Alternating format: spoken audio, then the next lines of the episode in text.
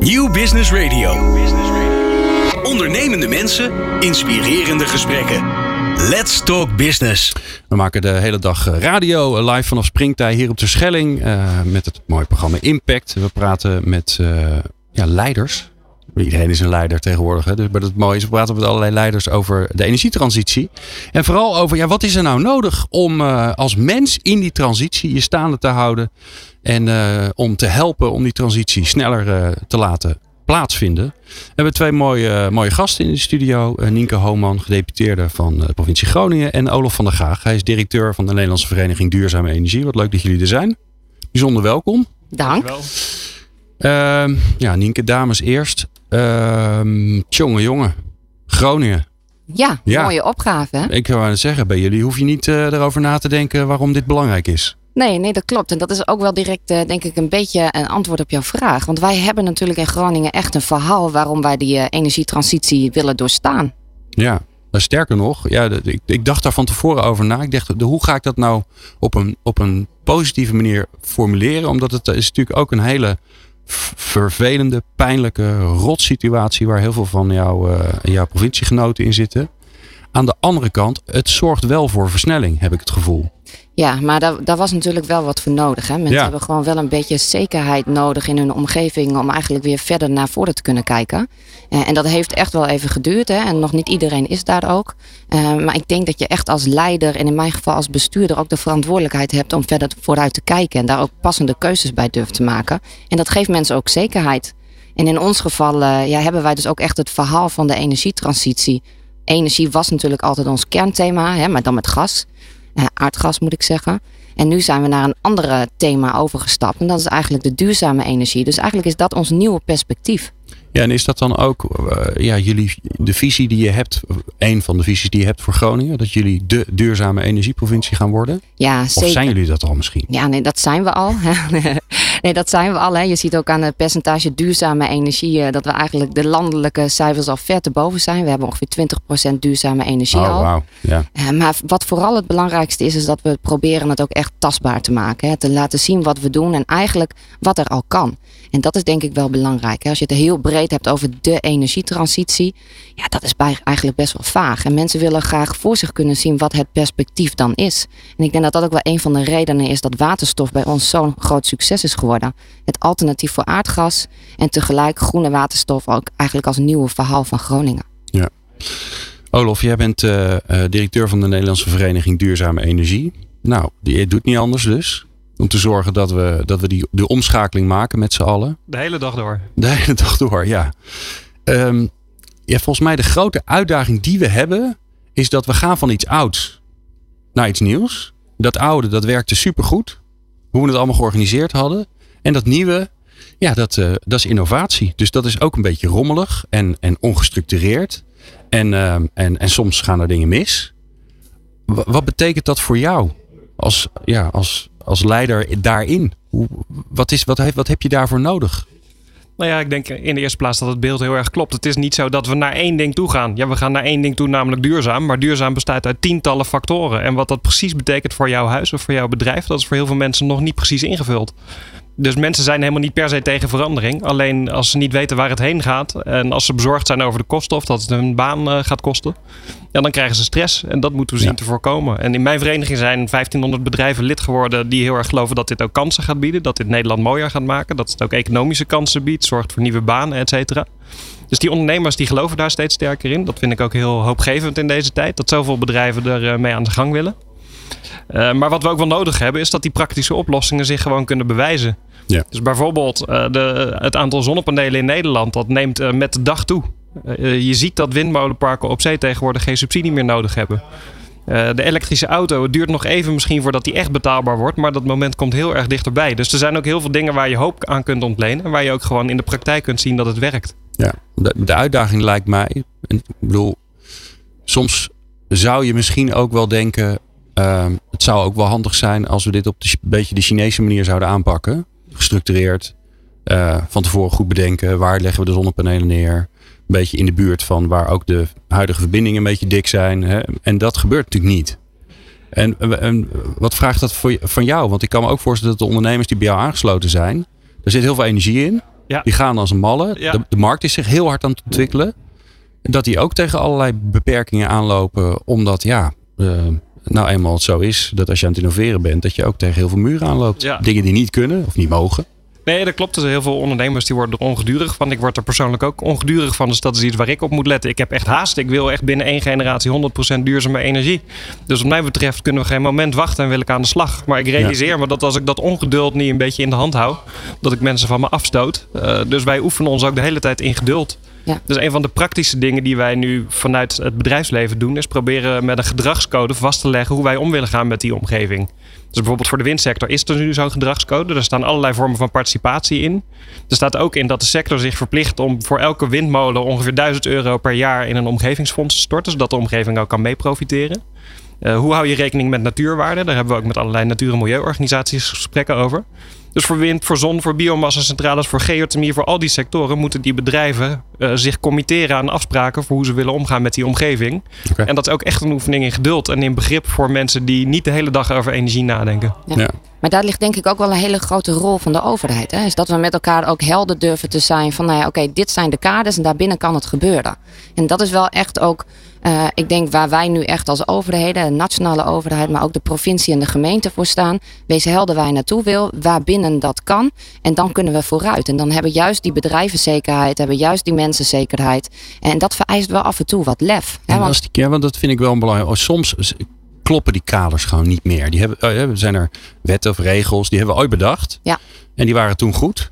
Maar nu is het ondertussen de wereld veranderd. En komen er allemaal van die mooie ondernemers van Olof die, uh, die de boel op zijn kop zetten. En dan kom je erachter dat die regels eigenlijk niet meer positief werken, maar ons tegenhouden. Ja, ja, je loopt eigenlijk als overheid per definitie een beetje achter. Hè?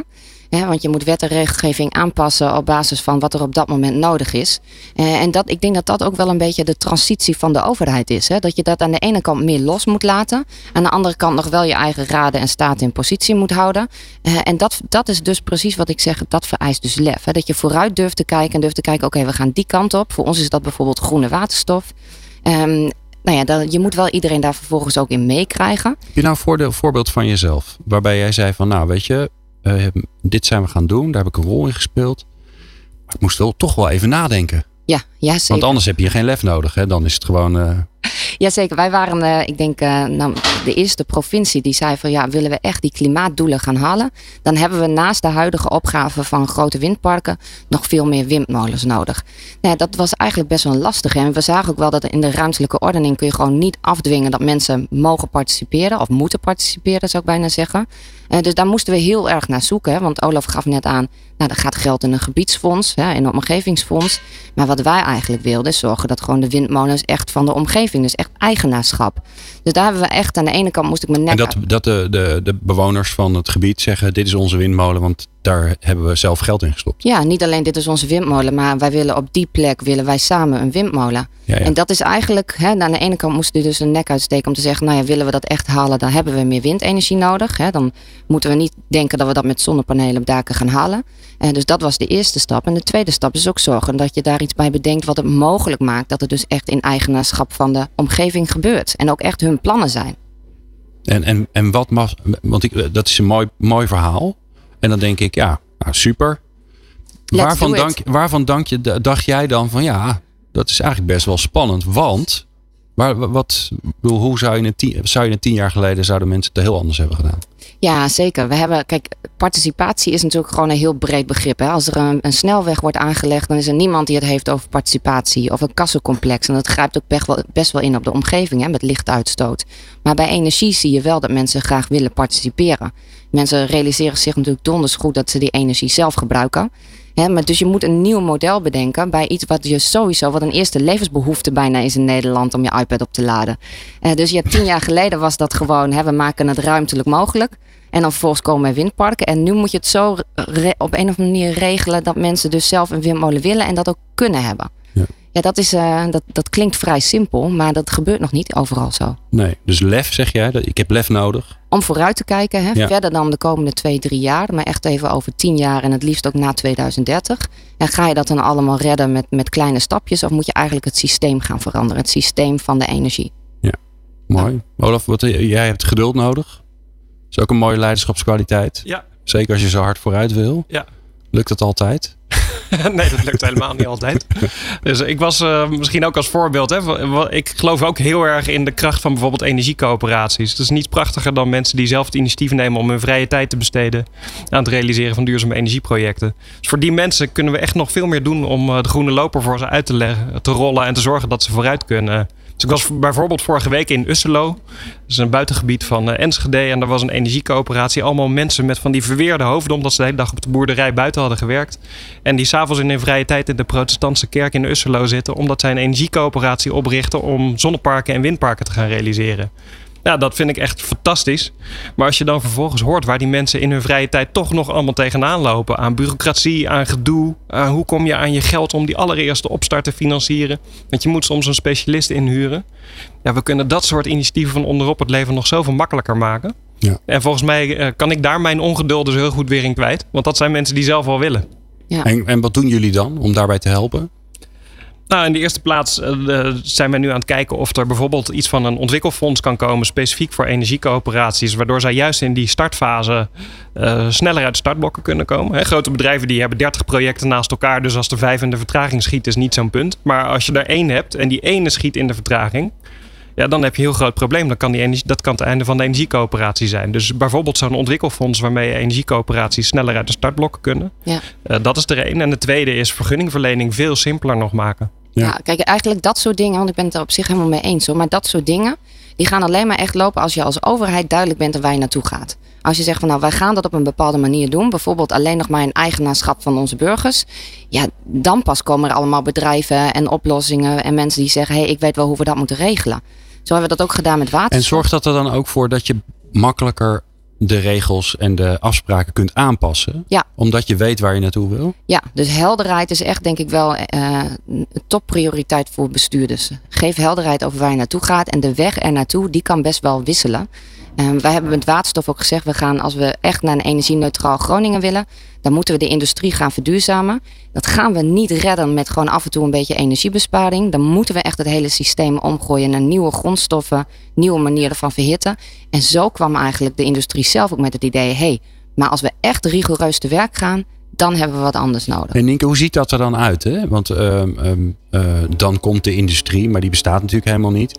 Is er een soort overleg? Gaan jullie ja. om de tafel? Bellen jullie? Eh, hoe ziet dat eruit? Ja, daar komt het eigenlijk wel op neer. En dat, dat, dat is natuurlijk ook gewoon wat wij doen. En we hebben een grote industrieel cluster. Hè, Groningen Seaports. Uh, en ja, inderdaad, het bij elkaar brengen vanuit je eigen rol van verschillende partijen waarvan je denkt, hey, zij kunnen samen deze oplossing bedenken. Als je daarmee begint, dan staan er vanzelf meer op. Maar dan moet je toch zeggen van, beste heren, vaak heren en dames, hè, dit is waar we naartoe gaan. We moeten naar een CO2-neutrale industrie of maatschappij. Uh, en we zetten een aantal mensen rond de tafel van we denken dat die daar een grote rol in gaan spelen. En dan echt met het gevoel, het kan wel. En dan zit er een enorme ontwikkelkracht. En hoe zorg je er nou voor? Hè? Want jij wil, dat is wel duidelijk. Uh, sterker nog, je wil met heel veel energie zo te zien. Um, uh, dat is hartstikke mooi. Maar er zit natuurlijk een heel apparaat uh, van in, de, in de provincie en de gemeentes. En daar zitten allemaal ambtenaren. En die hebben allemaal weer hele kleine belangetjes of kleine taken waar ze verantwoordelijk voor zijn. Hoe zorg je dat dat allemaal in beweging komt? Ja, juist. En dan ook daar is het antwoord op helder zijn waar je naartoe gaat. En niet af laten leiden door dingen die misschien niet kunnen. Jongens, dan gaan we daar een oplossing voor bedenken. Want dingen die we niet kunnen. Ik heb ook heel vaak gehoord, ja, hebben we al geprobeerd, werkt niet. We zitten wel in een ander tijdsgevricht. Klimaatstakers, iedereen weet dat er wat moet gebeuren. We merken het zelf. Dit is het moment om die verandering gewoon te maken. En daar ben je als bestuurder toch echt verantwoordelijk voor.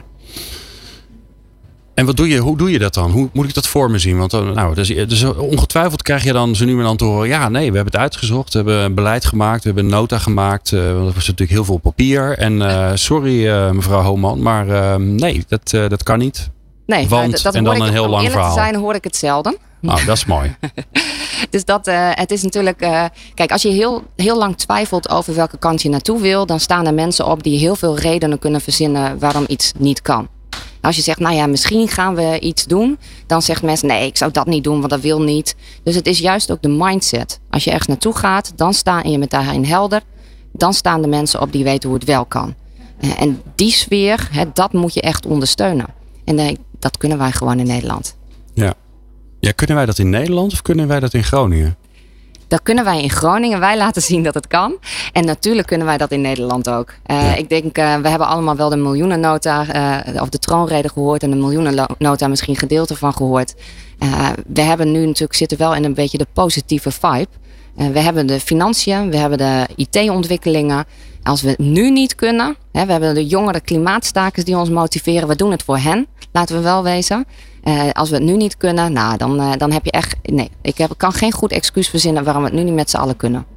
Olof, um, het leuke van radio is uh, dat je ook mensen toe kunt spreken en ze kunt helpen. Um, wat zou je aan, aan, aan de luisteraars mee willen geven? Hoe, hoe kunnen zij een rol spelen om die energietransitie te versnellen? Ja, mensen ik denk dat er voor iedereen iets te bedenken is wat bij, bij je past. Hè. Je kunt je eigen huis uh, nog eens een keertje goed onder de loep nemen. Als je ja, als je straks, als het echt koud gaat worden, voelt dat het toch door het huis gaat. Ja, denk alsjeblieft aan isolatie. Er is zelfs een goede subsidie voor. Dus in drie, vier jaar tijd kun je isolatiemaatregelen terugverdienen. Ja, en nou ben ik eigenaar van een bedrijf. Hè, want we zijn een zakenzender. Dus er zijn allemaal mensen die beroepsmatig luisteren naar dit programma. En die hebben een, een bedrijf met uh, 10 of 20 of 30 mensen. Misschien wel met 10.000. Wat moeten ze doen? Ja, ook bijvoorbeeld energiebesparingen. Dat zijn ook echt voor bedrijven precies ja, Dat klinkt een beetje suf, maar dat is, daar zit wel echt heel veel in. Hè? Er zit ontzettend veel in. Ja. Ja, alles wat je niet gebruikt, hoef je niet op te wekken. Dus dat, is zo simpel. Uh, en de business case is vaak heel goed. Dus veel bedrijven realiseren zich overigens ook niet dat ze al verplicht zijn om investeringen te nemen die zich binnen vijf jaar terugverdienen. En dat geldt nu voor alles wat gaat over energiebesparing. Maar de die... investeringen die zich binnen vijf jaar terugverdienen, die moet je doen. Ja, Okay. Ja, dat is de wet Milieubeheer. En ja. die wet die wordt steeds strenger nageleefd. Nederland heeft natuurlijk een gedoogtraditie. Hè? Dus deze wet bestaat al heel lang en die wordt niet overal heel streng nageleefd. In Groningen wel. Ja, ik wou net Daar zeggen. Ik, voel, ik voelde hem al aankomen. maar dat wordt steeds strenger en strenger. Dus investeringen die zich binnen vijf jaar terugverdienen op het terrein van energiebesparing, die moet je echt nemen. Maar is natuurlijk ook heel verstandig om die gewoon te nemen. Die regeling gaat worden uitgebreid tot en met duurzame energieopwekking. Dus bijvoorbeeld zonnepanelen op het dak van ja. je loods. Als dat zich binnen vijf jaar terugverdient, wat steeds dan haalbaarder wordt, dan moet je het doen. Ja. Dus dat is wat je in je onderneming bijvoorbeeld kunt doen. En wat je natuurlijk ook met je onderneming kunt doen, is als je bijvoorbeeld op een bedrijventerrein staat, om eens samen te kijken van kunnen wij ook met bedrijven samen onderdeel worden van een energiecoöperatie zodat we met particulieren uit de buurt samen uh, bijvoorbeeld een windproject gaan realiseren. Of bijvoorbeeld samen een collectieve inkoop voor zonnepanelen organiseren. Waardoor het voor iedereen goedkoper wordt. Er zijn heel veel van dat soort praktische dingen, denk ik, waar ondernemers uh, vanmiddag nog mee aan de slag kunnen. Helemaal top. Nou, alle ondernemers uit Groningen, Nienke, wat, uh, wat, wil, je, wat wil je ze meegeven? Ja, ik denk dat dit voorbeeld is heel mooi. Hè? Wij hebben uh, inderdaad die wet milieubeheer die dit zegt. Daar zijn wij echt een paar jaar geleden mee begonnen om daar echt op toe te zien. Maar ondertussen ook te zorgen dat we de bedrijven ondersteunen die daar wat mee willen. En wat je dus zag is dat je had een aantal bedrijven die zeggen... nou ja, we gaan met de kaasgraaf erover en we gaan energie besparen. En je had een aantal mensen die zeiden van... Oké, maar nou ga ik eens even heel goed kijken. Ik huur iemand in om te kijken of ik mijn proces... of ik dat niet even heel anders kan doen.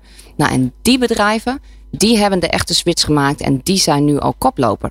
Want die hebben gedacht, nou, als ik toch moet veranderen en ik weet dat we uiteindelijk naar de doelen van uh, Parijs gaan halen. Dus uh, er is een zekerheid dat we minder CO2 gaan verbruiken steeds. Als ik daar nu eens even goed in investeer, dan ben ik straks koploper. En dan ben ik de eerste en dan, uh, nou, dan ben ik niet alleen kop, koploper, dan ben ik spekkoper. Kijk. En dat moeten we hebben. Niet alleen koppelappen, ook spekkoper. Prachtig. Uh, ik dank jullie zeer. Uh, Olaf van der Graag, directeur van de Nederlandse Vereniging voor Duurzame Energie. En Nienke Hooman, gedeputeerde van de provincie Groningen. Dank jullie wel. Dank. Nieuw Business Radio. Let's talk business.